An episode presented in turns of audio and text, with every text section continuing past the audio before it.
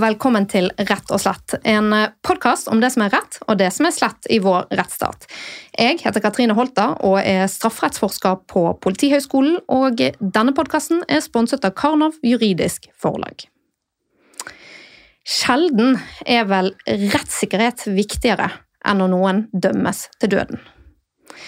Men ble rettssikkerheten tilstrekkelig ivaretatt i etterkrigsoppgjøret? I denne andre delen om dødsstraff under landssvikoppgjøret så skal vi bl.a. snakke om juristen Hans Skaar Pedersen. Han ble leder for statspolitiet i Stavanger, altså den enheten som skulle avsløre motstandsfolk. Og Pedersen eh, ble dømt for mishandling av arrestanter. Men i retten så hevdet han at han slo for å overbevise Gestapo om ikke å henrette tolv mennesker. Pedersen ble ikke hørt, og ble dømt til døden. I denne episoden så lurer jeg på om rettssikkerheten ble ivaretatt i Pedersens sak. Eller kan det tenkes at Norge henrettet en krigshelt? I hvilken grad fikk de dødsdømte en rettferdig rettergang? Og hva var egentlig domstolenes rolle i eksekusjonene? Jeg har eh, fortsatt med meg to rettshistorikere i studio i dag. Jeg har med meg professor Jørn Øyrehagen Sunde, som er jurist med spesialisering innen rettshistorie. Og jeg har med forsker Lars Erik Våle, som er historiker med spesialisering på landssvikoppgjøret. Lars Erik, hvem var Hans Jakob Skaar Pedersen? Hans Jakob Skaar eh, Pedersen kom jo fra Stavanger. Han eh, var allerede fra tidlig av veldig nasjonalt orientert. Eh, vokste opp i en borgerlig familie. Faren var apoteker. Var det vanlig å være nasjonalt orientert i Norge på 1930-tallet? Eh, man må huske at han vokste opp i en tid kort etter unionsoppløsningen, hvor det fortsatt var ganske mye nasjonale følelser. Og også Hans Jakob Skaar Pedersen ble fanget opp av dem. Før han begynte å studere juss, så var han altså sjømann.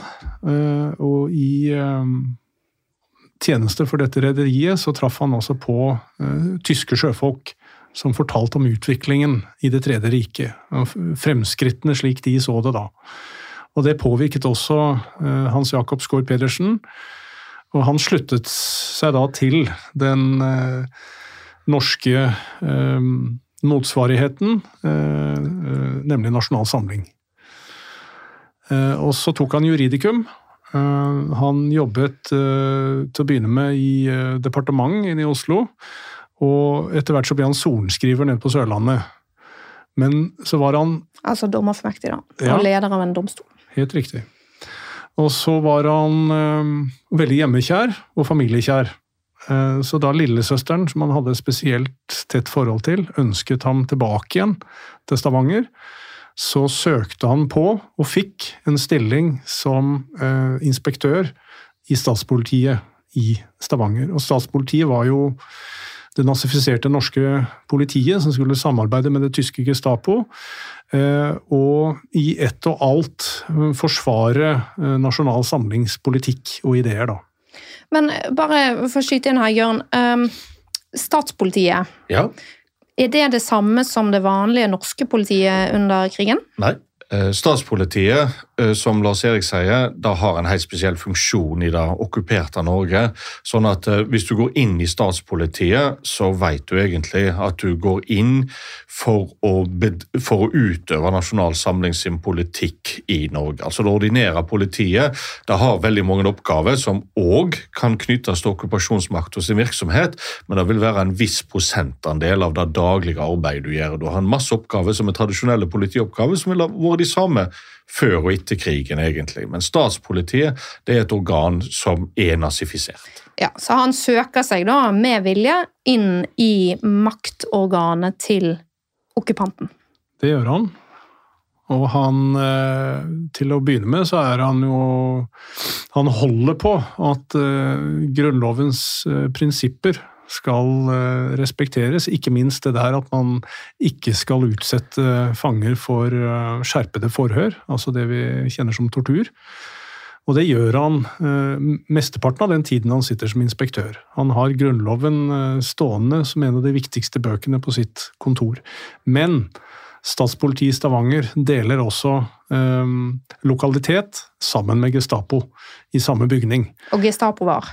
Gestapo var eh, det tyske hemmelige politiet som eh, fra 1930-tallet, etter Hitlers maktovertakelse i Tyskland, skulle sørge for uh, sikkerheten til NSDAP-ledelsen, altså nazipartiets ledelse, og også da undertrykke opposisjonen, ikke sant? blant annet fra kommunister og intellektuelle som var mot eh, nazismen i Tyskland. da.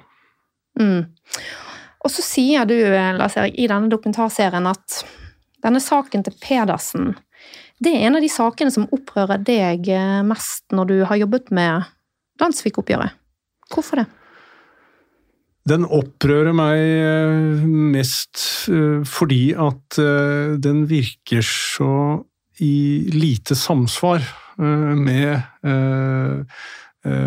skal si for noe rettsoppgjøret ellers, og hva folk ble dømt til døden for.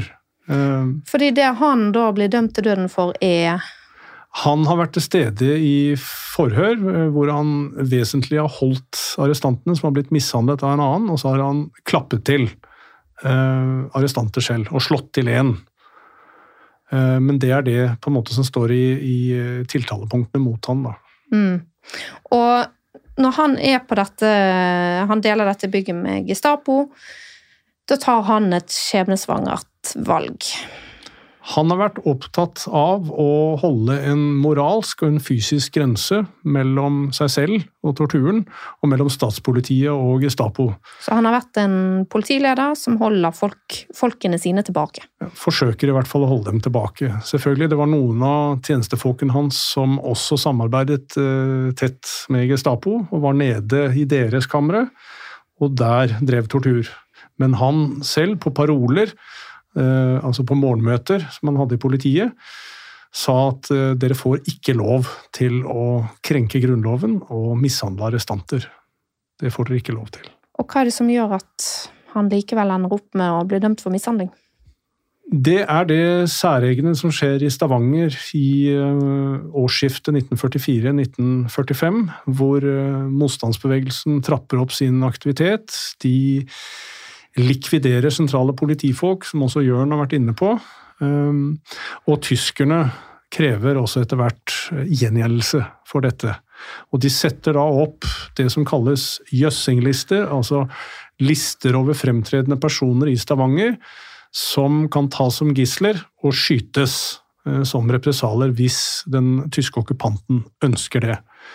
Og dette kommer jo da også eh, Skår Pedersen for øre. Eh, han har vært i Oslo med sin sjef, altså generalmajor Carl Martinsen, som ble likvidert av motstandsbevegelsen. Og eh, han har da også opplevd eh, de represaliene som kom etter det, hvor det var bortimot 30 nordmenn som ble skutt av det norske statspolitiet og det tyske Gestapo i februar 1945. Og så så kommer det jo en, en, aksjon hvor da sjefen for Gestapo i Stavanger blir drept. Og da kommer dette spørsmålet om represalier opp også i Stavanger. Og øh, Hans Jakob Skaar Pedersen gjør det han kan for å forhindre at øh, tyskerne iverksetter dette her. Og det er jo fullstendig opprør i lokalene øh, til Gestapo. Og det er da Skaar Pedersen åpner døren mellom uh, statspolitiet og Gestapo. Men det er også da han åpner dørene inn til mørke krefter i seg selv. Da. Og at han blir delaktig i det han selv har talt imot og advart sine underordnede mot å gjøre. Nettopp å bruke tortur. I introduksjonen så stilte jeg spørsmålet om Norge kan ha henrettet en krigshelt. Hva tenker du om det? Hans Jakob Skaar Pedersen han hadde jo i utgangspunktet valgt å støtte Nasjonal Samling. Og han gikk inn i det statspolitiet som skulle være en støttespiller, ikke bare for Quisling, men også for Terboven, som var uh, tysk uh, øverst uh, lederen i Norge. da.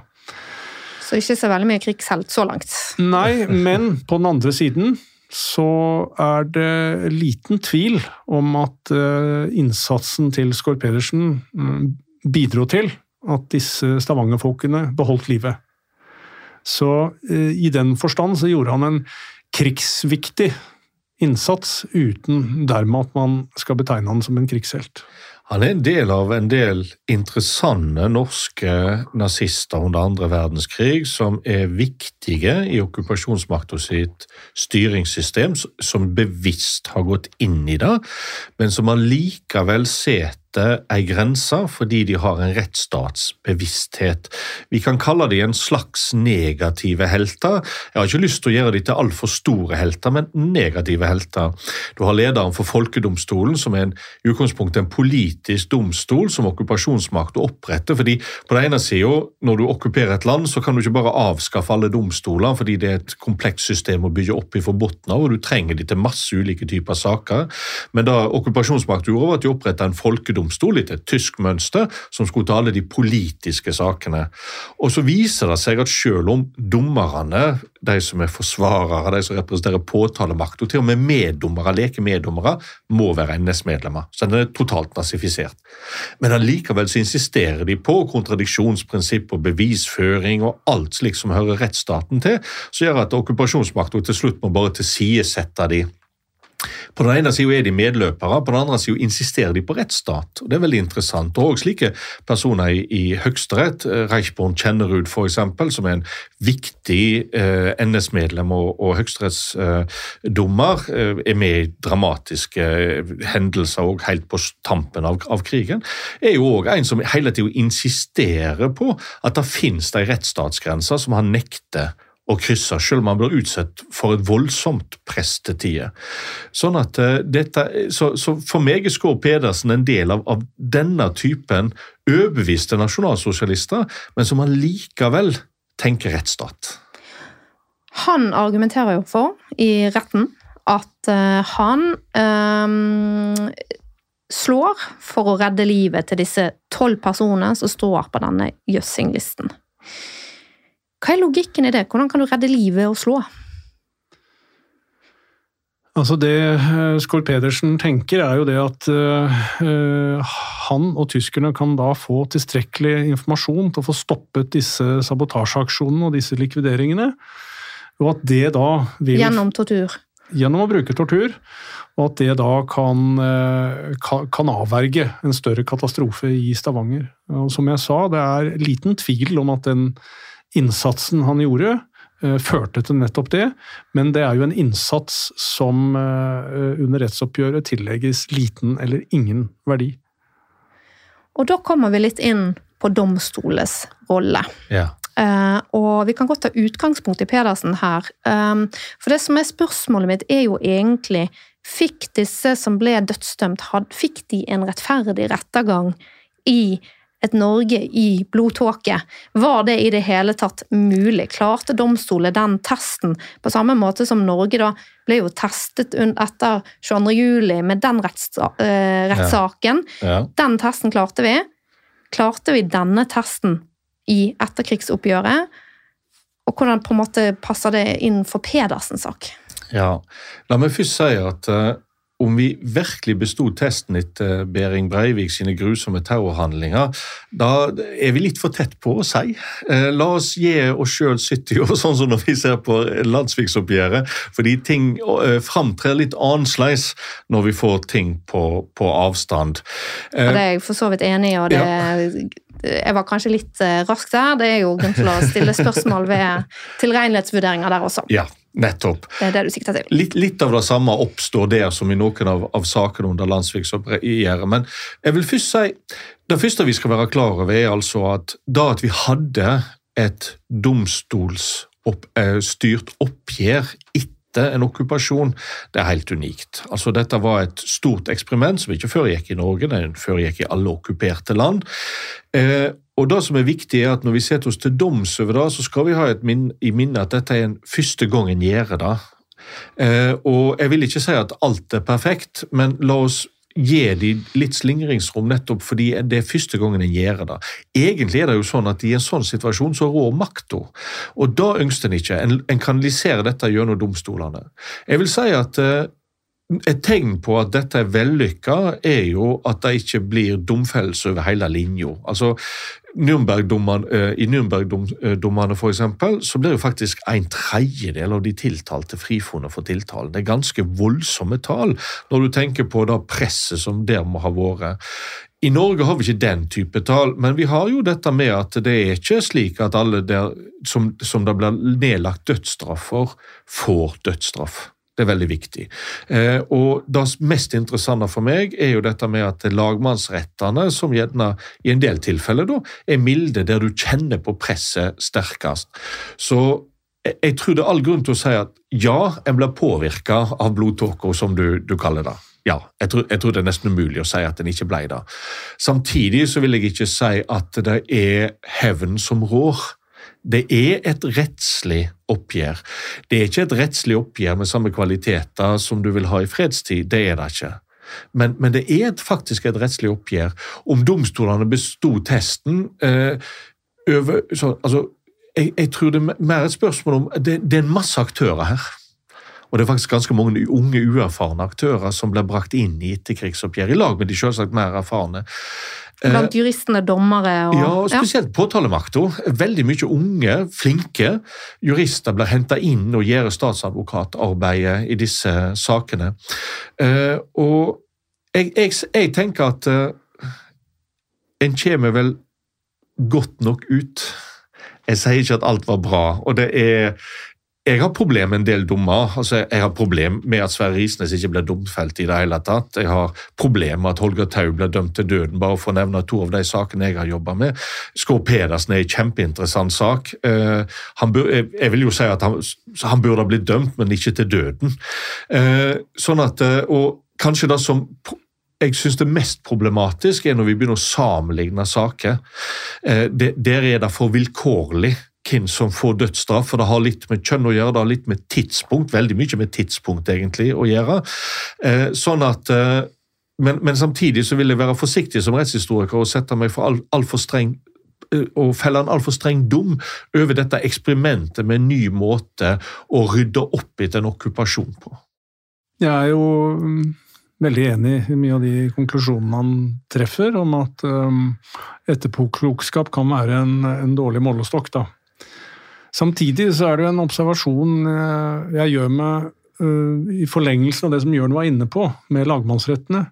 Fordi at eh, når myndighetene, det gjelder regjeringen, det gjelder Stortinget, det gjelder Høyesterett, skal begrunne dødsstraffens gjeninnføring og anvendelse, så henviser man til en folkedom.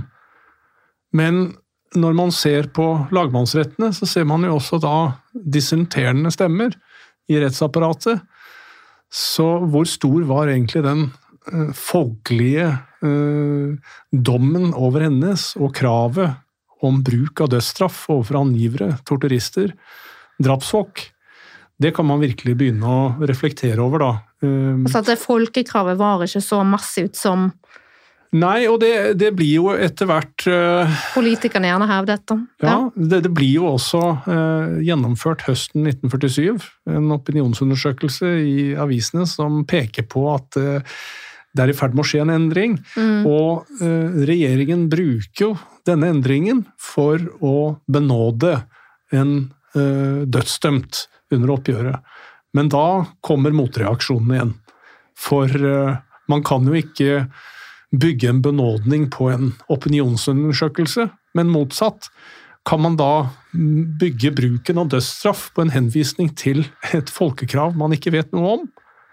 Ja, dette er kjempeinteressant, for det er klart at på den ene sida skal en være forsiktig med å ettertid være allvitende og kreve at de som er aktører i en situasjon, skal sitte med samme kunnskap. Og Så er det det motsatte, som er kjempeinteressant, og som Lars Erik er inne på. Vi skal ikke sitte her i ettertid og tro at aktørene var uvitende, som er det motsatte. Og En av de tingene som fascinerte meg når jeg begynte å gå inn i avisene fra 1945, det er jo da trøkket du har i, i mai, juni, juli, august 1945 Men hvis du ser i avisene og innlegg, og der, så begynner faktisk å avta allerede høsten 1945. Det er som om folk tenker at eh, vi, vi, allerede da vi må komme videre, og vi må ikke gjøre det på en måte som gjør at vi gjør samme urett som okkupasjonsmakta gjorde. De stemmene er der allerede eh, høsten 1945 og blir bare sterkere og sterkere utover. Så eh, På den ene sida så, så, så, skal ikke en dømme for hardt, men vi må heller ikke fråta aktørene en bevissthet som det for meg ser ut som om de, de hadde om rettsstat den gangen. Det er det interessant uh, i forlengelsen av det Jørn sier, at uh, hovedstadspressen, uh, som jo også på en måte skulle målbære da myndighetenes syn på rettsoppgjøret i ganske mye, de støtter jo opp om dødsstraffen. Men hvis du går utover i periferien, til lokalavisene, fra eh, sør til nord, fra Federlandsvennen til eh, Finnmarksposten, så finner du jo eh, på et mye tidligere tidspunkt enn du finner i en del av Oslo-pressen, du finner også unntak der, som tar til orde for forsoning. At uh, nå må vi gjenvinne uh, troen på menneskelivets ukrenkelighet, vi må legge krigen bak oss, og vi må komme fremtiden i møte. Det er litt interessant dette at uh, hovedstadspressen det hvert sies i denne dokumentaren at hovedstadspressen ser på sin rolle som altså, altså At de tar den rollen der de skal på en måte Nå må vi støtte opp under myndighetene som ønsker dødsstraffen. Um, ser vi en presse som er en offentlig vaktbikkje her, og som er opptatt av enkeltborgeres rettssikkerhet? Her må vi jo se dette også i, i eh, et stort perspektiv med at det var oppgjør på mange fronter etter 1945. Du hadde det store offisielle rettsoppgjøret, men så hadde du også en rekke internoppgjør. Også pressen hadde sitt internoppgjør etter 1945, og hadde kanskje da et tilsvarende behov for å demonstrere en, en mer nasjonal holdning etter 1945 enn det hadde, hadde klart å gjøre da eh, før 1940, eller kanskje til og med under okkupasjonen. Eh, nå skal jeg spekulere litt, eh, for dette er ikke noe jeg veit. Men eh, jeg begynte når jeg jobba med Høyesteretts historie, å gå litt lenger tilbake i tiden, da, så egentlig var min periode tilbake til 1945, for det var vanskelig å forstå Høyesterett fra 1965 uten å forstå det som skjedde i 1945. Eh, og Så begynte jeg også å se på de ulike aktørene i Høyesterett og de som var representerte påtalemakta osv. Og, og så begynte jeg å se at her, her var det egentlig òg en del sosiale nettverk som du kunne identifisere. Og det har slått meg at du i hovedstaden fant en elite blant journalister, blant dommere, blant påtalemakt og politikere, som kanskje snakket litt for mye seg imellom og var litt for enige om hvordan en skulle gjøre ting. For det er nettopp som Lars Erik sier, det er helt sånn påfall når du leser avisene, at ute i periferien og, du skal ikke så veldig langt fra sentrum i Oslo, så finner du flere motstemmer enn da jeg har en følelse av, og som sagt, jeg spekulerer litt nå, var i eh, dette maktos sentrum. Det er veldig interessant det du sier, og det, det du egentlig sier her nå, er jo et sterkt argument etter mitt syn for at Høyesterett ikke burde ligge i Oslo sentrum. Eh, det er uheldig ut ifra maktfordelingsprinsippet at vi har både den utøvende, den lovgivende og den dømmende makt alltid innenfor et par hundre meters radius. Eh, så det er god grunn til å flytte Høyesterett til eh, Trondheim, Tromsø, Bergen, en av de andre storbyene. Kristiansand. Ja. Ok, men tilbake til Pedersen. fordi at han hevder jo dette her i retten om denne listen som eksisterer. Han prøver å få inn et vitne til å støtte at denne listen eksisterer, som da skal være beviset på at han faktisk slo for å redde disse tolv personene fra å bli henrettet. Det gjør han. Hvordan går det? Eh, nei, det går jo dårlig for Skår Pedersen. Eh, statsadvokaten i saken var jo en senere fremtredende politiker i Norge, Andreas Cappelen som vel hadde to ministerposter i etterkrigstiden og var en del av det eh, nettverket også, som eh, Jørn er inne på. Eh, og så er det jo også da dette vitnet som, som har sin egen rettssak gående, og vel er litt engstelig for hva en stadfestelse av, av, av tyskernes undertrykkelsespolitikk kunne få å si for hans egen del, og derfor ikke taler uh, Skår Pedersens sak til å begynne med. Det gjør han først etter at Skår Pedersen er skutt. Da kommer det en uh, erklæring fra han i forbindelse med at familien til Skår Pedersen ønsker saken gjenopptatt. For den mener jo, i likhet med en del andre, at du kan ikke forstå Skår Pedersens handlinger uten å forstå uh, de konkrete tingene som skjedde i Stavanger i den situasjonen, og frykten for at uh, tyskerne skulle ta livet av andre Stavanger-folk. Det var derfor han slo, det sa også familien. Og, og denne kriminalsekretæren i, i Gestapo, som da kom med denne erklæringen. Han sier også det, og bekrefter eksistensen av listen, og at Skår Pedersen gjorde det han kunne for å berge norske liv. Men uh, hans, uh, i denne dokumentaren så kommer det jo også frem at han føler jo at han ikke Han opplever jo ikke at han egentlig blir så veldig hørt i domstoler, så de er ikke så veldig interessert i, i denne listen. I å finne ut av dette. Nei, og uh, utover høsten 1945 så begynner jo Skår Pedersen i stadig større grad å gi opp håpet. For han ser at han får ikke noe gehør for sine synspunkter. Og denne, så han blir jo da henrettet, uh, og det er ganske hjerteskjærende å se hvordan det påvirket særlig hans søsters liv. og Eh, som da til slutt, som det kommer frem i dokumentaren, da tar livet sitt eh, i en alder av 82, da. Men eh, hun jobber jo da for denne gjenopptakelsen, og jobber, bruker, altså hele denne familien hans jobber for det også etter han er død, for å renvaske hans navn. Det gjør de, og lillesøsteren Åsta har jo foruten Hans Jakob Skaar Pedersen også mistet sin bror Henrik Skaar Pedersen på østfronten. Så det, hun føler en ekstra forpliktelse til å kjempe for hans Skår Pedersens sak, og også familiens sak. da. At dette var egentlig mennesker som, som eh, på sin måte kjempet Norges sak. Eh, og det, det vil hun bli trodd på, men hun gir til slutt opp. Og det er da hun hopper ut fra terrassen og begår selvmord.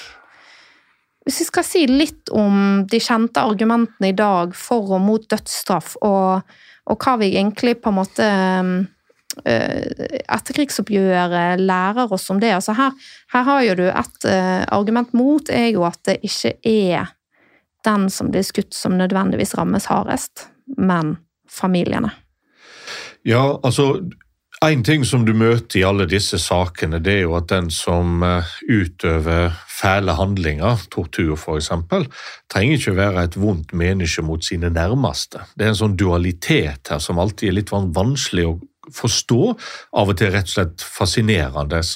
Eh, og Da møter du flere ganger. og jeg, Etter å ha vært med i den NRK-serien De siste dødsdømte, ble oppringt og fikk e-poster nettopp fra folk som hadde noen av sine dømt i etterkrigsoppgjøret, men som argumenterte veldig hardt overfor meg med at dette var jo kjærlige folk, det var en god onkel, det var en god far, osv. videre. og det, da problemet har vi alltid. Altså det, den rene vondskap vi kommer vel den nærest hos Henry Rinnan, men den, den, er faktisk ganske sjelden.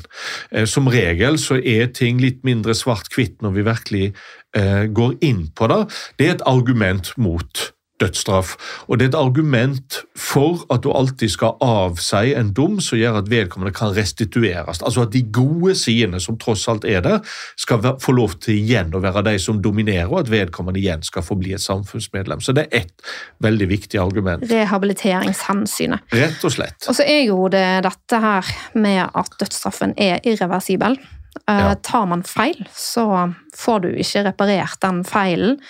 Um, The Innocence Project i USA de har jo uh, funnet ut at 18 personer i USA har sittet uskyldig på death row, og det er noe de har fått de frifunnet da, ved hjelp av uh, ny DNA-teknologi. Mm.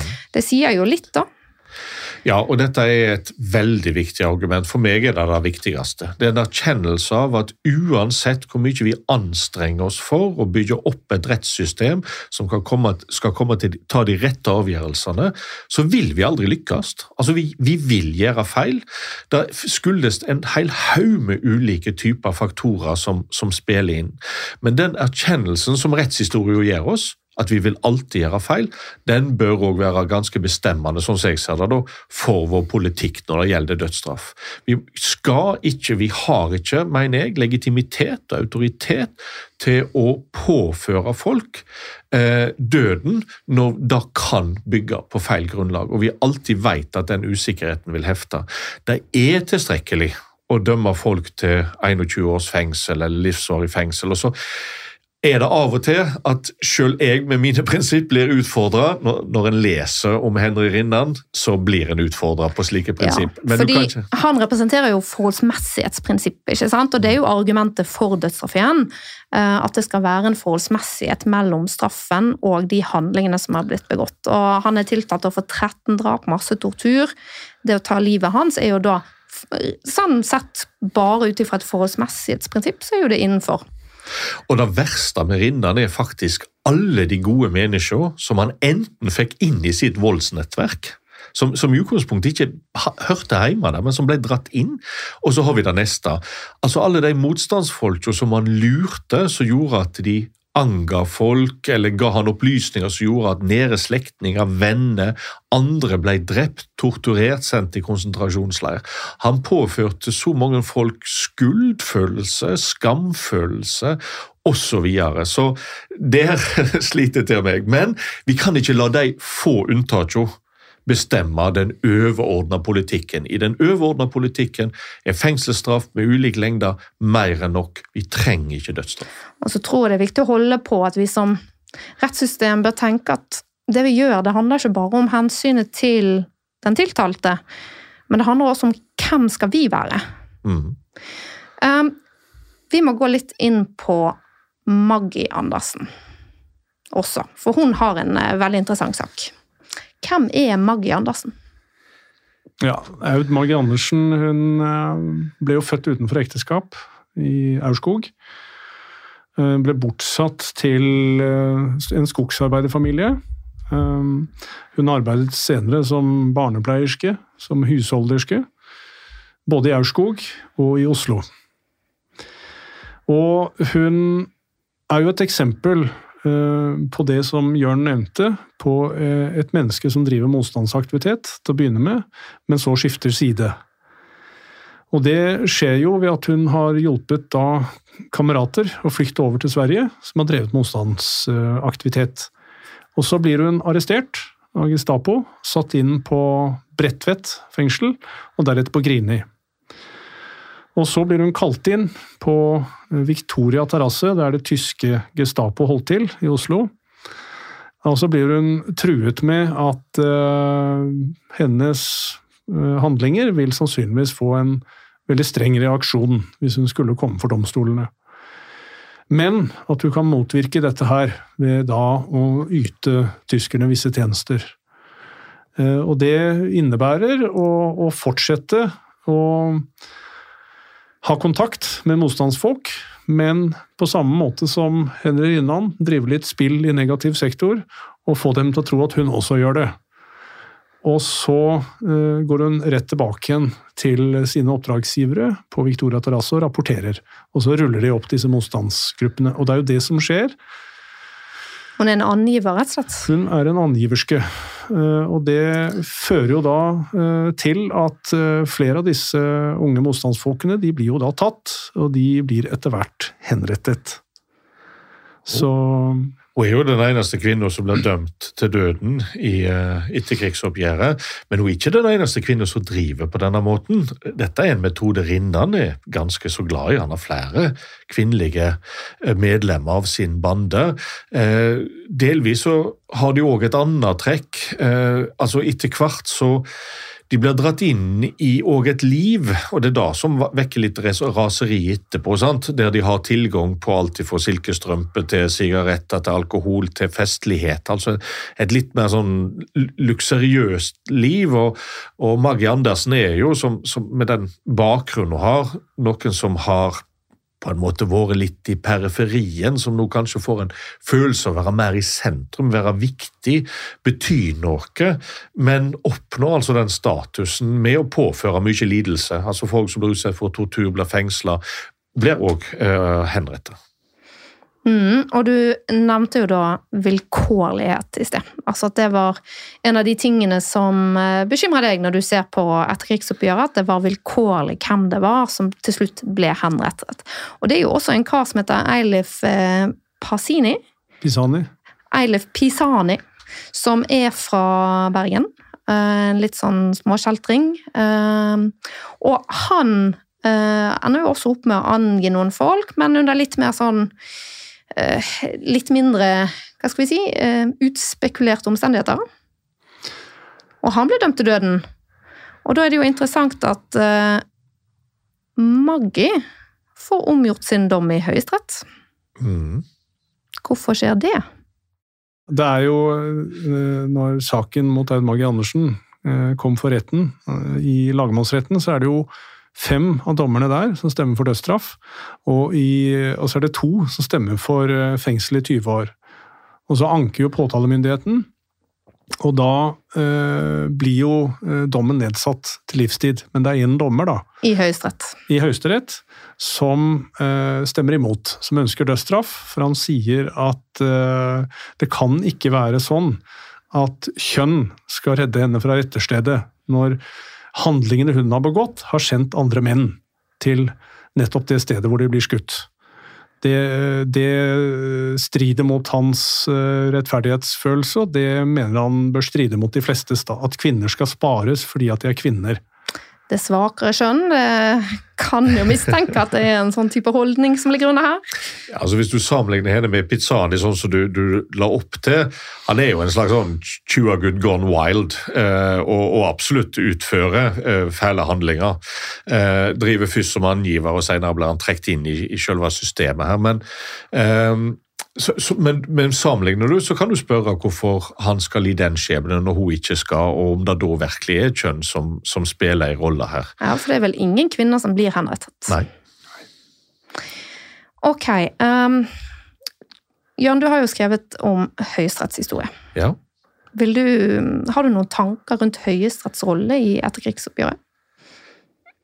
Ja, eh, jeg har da. Eh, så, skal det sies at eh, jeg skulle gjerne forska mer på det, sånn at det hefter en viss usikkerhet ved det jeg nå sier. Men jeg får litt Altså, Høyesterett er veldig bevisst at de skal bidra til at landet skal kunne starte på nytt og ha et oppgjør som egner seg for det. Og jeg tror at selv om du har prinsipielle stemmer absolutt i Høyesterett, så går det litt for mye politikk i deres virksomhet. De blir litt for obs på at de skal skape ro, og dermed skape en tilsynelatende harmoni og enhet i straffene. Og det slår meg, og igjen, jeg har ikke godt nok forskningsbelegg for det, så det blir litt en påstand, men det slår meg at det fører til litt flere dødsstraffer enn det som en ellers ville ha fått hvis domstolen hadde opplevd seg som en ren ankedomstol i straffesaker, slik de gjorde senere etter krigen. Ja, Så de tar rollen som en rettsutviklet prejudikatsdomstol? Er det det du sier, eller? De, de, de tar rolla si som en del av sentralmakta veldig seriøst, og dermed viderefører sentralmakta sin politikk, som er kanskje hardere på behovet for dødsdommer enn da det egentlig var et grunnlag for. Altså Mye av rettferdiggjørelsen her er jo at folk ikke skal ta loven i egne hender og gjennomføre represalier, som det altså finnes eksempel på, så dette er ikke et helt søkt argument. Men det slår meg av og til at den følelsen, eller den frykta i sentralmakta i kjernen av Oslo er sterkere enn det er grunnlag for, og da påvirker Høyesterett. Det er det jeg prøver å si. Det syns jeg er veldig kloke vurderinger av eh, Jørn. Og jeg tenker eh, vi også må ha med oss at eh, de statsmaktene som gjennomfører dette oppgjøret, de har jo i utgangspunktet en litt svak legitimitet. Regjeringen har det pga. det militære eh, nederlaget og kaoset som oppstår i 1940, det at den dro av gårde i eksil. Eh, Stortinget har det eh, ved at det var villig til eh, sommeren eh, 1940 å inngå eh, forhandlinger med tyskerne, og, hvor også NS ble trukket inn. Men Høyesterett har også eh, sine utfordringer. Det utførte en heroisk handling høsten eh, 1940, da det nedla sine embeter, men våren 1940 så var jo Høyesterett med på å eh, etablere samarbeidsorganet som vi kjenner som Administrasjonsrådet. Så det er jo eh, Hva var det? Administrasjonsrådet skulle stå for eh, det sivile styret i Norge, som regjeringen vanligvis ville ivaretatt, i dens fravær. Og så er det jo også sånn at det er mange roller som forenes i rettsoppgjøret etterpå. Og en av dem er jo knyttet til Pål Berg som var eh, en slags leder av eh, hjemmefronten. Pål Berg blir jo også da eh, fortsetter som justitiarius i Høyesterett. Han er riktignok ikke med når de har en del av prinsippsakene, men han ses på som et, et stort nasjonalt samlende symbol i Høyesterett. Og justitiarius, bare for å skyte inn, det er altså da lederen av Høyesterett.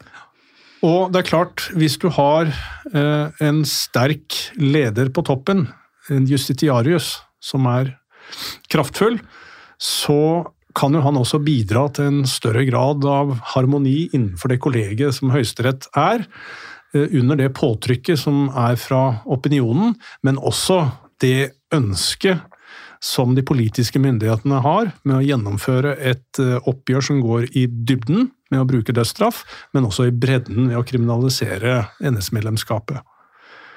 Og det er vel også noe av det som eh, i ettertid eh, fremstår som litt problematisk med det norske rettsoppgjøret, det er nettopp den rolleblandingen, da. At eh, det er lovgivere som har bidratt til prinsippene man skal anvende i rettsoppgjøret, som også på en eller annen måte får rollen med å håndheve dem etterpå. Og det får igjen konsekvenser Kanskje eh, ikke bare på kort sikt, men også på lang sikt for hvordan rettsoppgjørets legitimitet er. Og så er det, som Jørn har vært inne på, dette var de første skal vi si, eh, rettsprosessene av den karakter man gjennomførte. Og de fleste sånne prosesser vil jo ha sine ufullkommenheter. da. Men Jan, et oppfølgingsspørsmål ja. til deg. Fordi når du uttaler deg om Høyesterett, så høres det jo ut som at disse høyesterettsdommerne har muligheten til å velge å ikke avsi dødsdom ja. i flere saker enn det de gjorde. Er disse dødsstraffene er de rettslig sett legitime? Hadde man egentlig god nok hjemmel for å gjøre det, og opp mot Grunnloven? Hva tenker du om det? Altså Høyesterett selv finner ut at de har god nok hjemmel til å gjøre det. Dette var jo en diskusjon. Eh, Jon Skeie, professor i strafferett, en mann som på dette tidspunktet ikke har noe å tape. Sant? Han er en eldre professor som uh, alltid har vært frittalende, går jo ut og kritiserer sterkt den heimelen. Jo Sandenes er veldig interessant. Han er jo en up and coming. Det er han som er avtakeren til Jon Skeie som professor i strafferett ved Juridisk fakultet i Oslo. Han er veldig ambivalent. Han sier forskjellige ting han på, i forskjellige anledninger. Han både i noen tilfeller motsier eh, Jon Skeie og rettferdiggjøre oppgjøret. Andre tider så er han faktisk litt kritisk.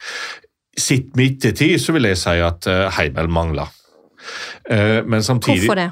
Nei, det er rett og slett fordi Fordi du har denne dødsstraffloven som er gitt med provisorisk anordning, som, og Skeies argument er at det er i strid med tilbakevirkningsforbudet. Ja, helt rett. Ja, Og hva er det? Eh, det er rett og slett at du kan ikke la senere, bruke senere lovgivning på tidligere handlinger. Og når det denne provisoriske anordningen gis, er det poenget da at de som har eh, begått eh, landssvikshandlinger tidlig i krigen, også blir dømt for døden, eller vil dette gjelde for alle? Nei, altså det, Den provisoriske anordningen kan sannsynligvis ikke gis for den type handlinger. For det, for det som er den faglige, eller Områdekompetansen for den provisoriske anordningen dekker ikke den typen handlinger. Ergo er det den senere loven som må gjøre det, og den kommer i ettertid. Og den skal gis tilbakevirkende kraft. Nå skal det sies at Vi må huske at dette er et allment problem over hele Europa. Det er ikke bare i Norge en strir med dette. En gir det ulike forklaringer, og det er dermed ikke noe sånn iallfall i en europeisk kontekst, særsyn ved det norske rettsoppgjøret. Altså den heimelsproblematikken må løses absolutt alle steder. Sitt i ettertid, som sagt, så mener jeg at Skei sine argumenter er de beste. Eh, og at han har rett i at heimel mangler fordi den, den, loven som Stortinget til slutt vedtar, eh, kan ikke gis tilbakevirkende kraft. Men jeg, samtidig så, så, så, stritter jeg litt imot med å gå inn og være altfor Altså, jeg er prinsipielt imot dødsstraff, da legger jeg ikke skjul på. Samtidig så prøver jeg som rettshistoriker å ikke i ettertid dømme altfor hardt i en situasjon som er ganske spesiell. Sånn at eh, om det var illegitimt eller ei, det er selvsagt veldig, veldig, alvorlig å si at noen mangler heimel for å idømme noen dødsstraff. Eh, jeg ser den, men samtidig så, så prøver jeg å se det litt ifra tida sin situasjon. Så jeg er nok mer kritisk til gjennomføringa enn uh, av, av uh, Jeg tillater meg å være mer kritisk til måten det ble gjennomført på enkelte handlinger eller enkelte trekk ved etterkrigsoppgjøret, enn å være kritisk til hele etterkrigsoppgjøret. Men kan man si da, vil det være en innvending at eh, ja, men det er bare formalisme, fordi regjeringen eh, nedla jo denne provisoriske anordningen, og riktignok så var det jo ikke eh, gjort etter liksom i grunnlovsform, det skulle vært gjort i ordentlig lov, men det var jo ikke mulig. Altså, men det var jo en politisk vilje der. Ja da, da kan en fort si. Eh, så skal en være litt forsiktig med å avvise ting bare fordi det er formalisme, fordi formalisme er ofte det som redder oss ifra å bryte ned rettsstaten. Yes. Så jeg har ikke Så, så dette var ikke mine argumenter heller, altså. Men Lars Erik de... Det er jo et interessant poeng her at uh, disse provisoriske anordningene gjøres jo uh, De blir jo forlenget gjennom en formell lov eh, sommeren eh, 1945. Og det er det stortingspresident Karl Joakim Hambro som tar initiativet til. Og han sier da at eh, vi trenger å gjøre dette formelt, slik at det ikke etterpå kan sies at vi har skutt folk etter provisoriske fullmaktsbeslutninger. Fordi at det minner for mye om det regimet vi på en måte har nedkjempet. da. Nå er det demokratiet, nå er det rettsstaten. Så Det er i hvert fall hans eh, formelle begrunnelse for å få det inn i Stortinget, eh, som har lovgivende makt. Noe da regjeringen ut fra disse provisoriske anordningene ikke hadde mulighet til å gjøre med strafferettslig innhold. da. Det er jo det Jon Skeie også påpeker da sommeren 1945. Eh, vi nærmer oss den avsluttende spalten, men um, før vi kommer til den Kunne Norge innført dødsstraff på ny i dag? Er det mulig rettslig sett, eller har vi bundet oss til masten? Eh, vi kan alltids forandre Grunnloven, og i dag må vi forandre Grunnloven for å kunne reinnføre dødsstraff. Det er alltid en god ting å ha dette på den måten formalisert. Men fremdeles så kan vi forandre Grunnloven, og vi har avskaffa dødsstraff før. Vi har vært obs på dødsstraffens problematiske side i mange hundre år. Eh, men i en ekstrem situasjon, la oss si at det ikke var Ukraina, men vi som i dag var angrepet av Russland, så ser jeg ikke vekk ifra at du kunne fått det nødvendige flertallet for å endre Grunnloven, og dermed for å gjeninnføre dødsstraff. Så eh, jeg, jeg, tenker alltid at en, en, skal være situasjonsbevisst. Det er annerledes å diskutere disse tingene i vår konkrete, fredelige situasjon enn å stå midt oppi grusomhetene. Da framstår dødsstraff kanskje som en større nødvendighet enn det egentlig er. La oss tenke tilbake på pandemien. Vi var veldig villige til å innføre veldig drastiske tiltak, som vi kanskje ettertid ser var litt overdrevent drastiske. Men der og da så var vi plutselig villige til det. Det kan skje òg med dødsstraff i en særlig situasjon. Ja, det er iallfall min vurdering. Ja, og hva tror du da, Lars Erik? Ehm, Tror du at vi vil være bedre enn våre forgjengere hvis det igjen utbryter, bryter ut krig og vi kommer til oppgjørets time? Ikke med nødvendighet, eh, men det tror jeg avhenger av eh, hvor inngripende den situasjonen vi kommer opp i er. Eh, det vil nok være stemmer som reiser seg og peker nettopp på, på rettsoppgjør og peker på hvordan man i Norge håndterte 22. juli-rettssaken og, og, andre eksempler. Men det vil også være de som tar til orde for at eh, kanskje dommen til døden er det man trenger nok en gang. Og da er vi nesten ferdig for i dag, men vi skal ta en kjapp runde på den avsluttende spalten. Vi har litt dårlig tid til det. Eh, men Jørn, vil du fremheve noe som du synes er rett eller slett i vår rettsstat? Og i dag må vi velge fordi vi har dårlig tid. Ja, altså Det som er slettest i rettsstaten i dag i Norge, det er kunnskap om rettsstaten. Eh, av og til når jeg leser ting som ble publisert i aviser rett etter 1945, så får jeg mistanke om at en kanskje hadde større rettsstatsbevissthet i Norge da enn vi har i dag. Eh, det er jo fordi vi har det egentlig ganske bra. Det er ikke da at det ikke finnes mangler ved vår rettsstat, men den fungerer forholdsvis bra. Og Vi har vent oss til det, og vi har slutta å slåss for den. Vi tar den for gitt. Jeg var på et ganske nedslående rettsstatsarrangement der en framtredende justispolitiker i Norge ble bedt om å si hva han mente med rettsstat, og han konkluderte med at eh, det var fanfare og hornmusikk. Altså, egentlig meningsløst, eh, og det er det ikke. Rettsstaten er, de er faktisk i detaljene. Rettsstaten er ikke dette overordna hornmusikken og fanfaren, men den er i detaljene i det vi jurister og alle andre som er involvert i, i rettsstaten, driver med hver eneste dag. Og Da må vi få mye større bevissthet om, og folk som meg, som underviser jusstudenter, har gjort en for dårlig jobb. Vi er nødt til å skjerpe oss. Lars Erik.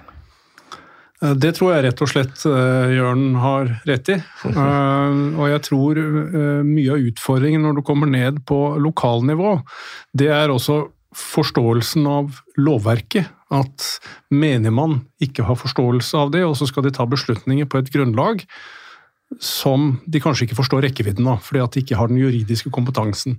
Og Da tenker jeg også det at jurister har et ansvar med å forklare eh, de mulighetene og begrensningene som ligger i rettsstatens prinsipper i enkeltindividets daglige liv. Tusen takk eh, for det, og tusen takk til alle dere lyttere som har fulgt disse to episodene til endes.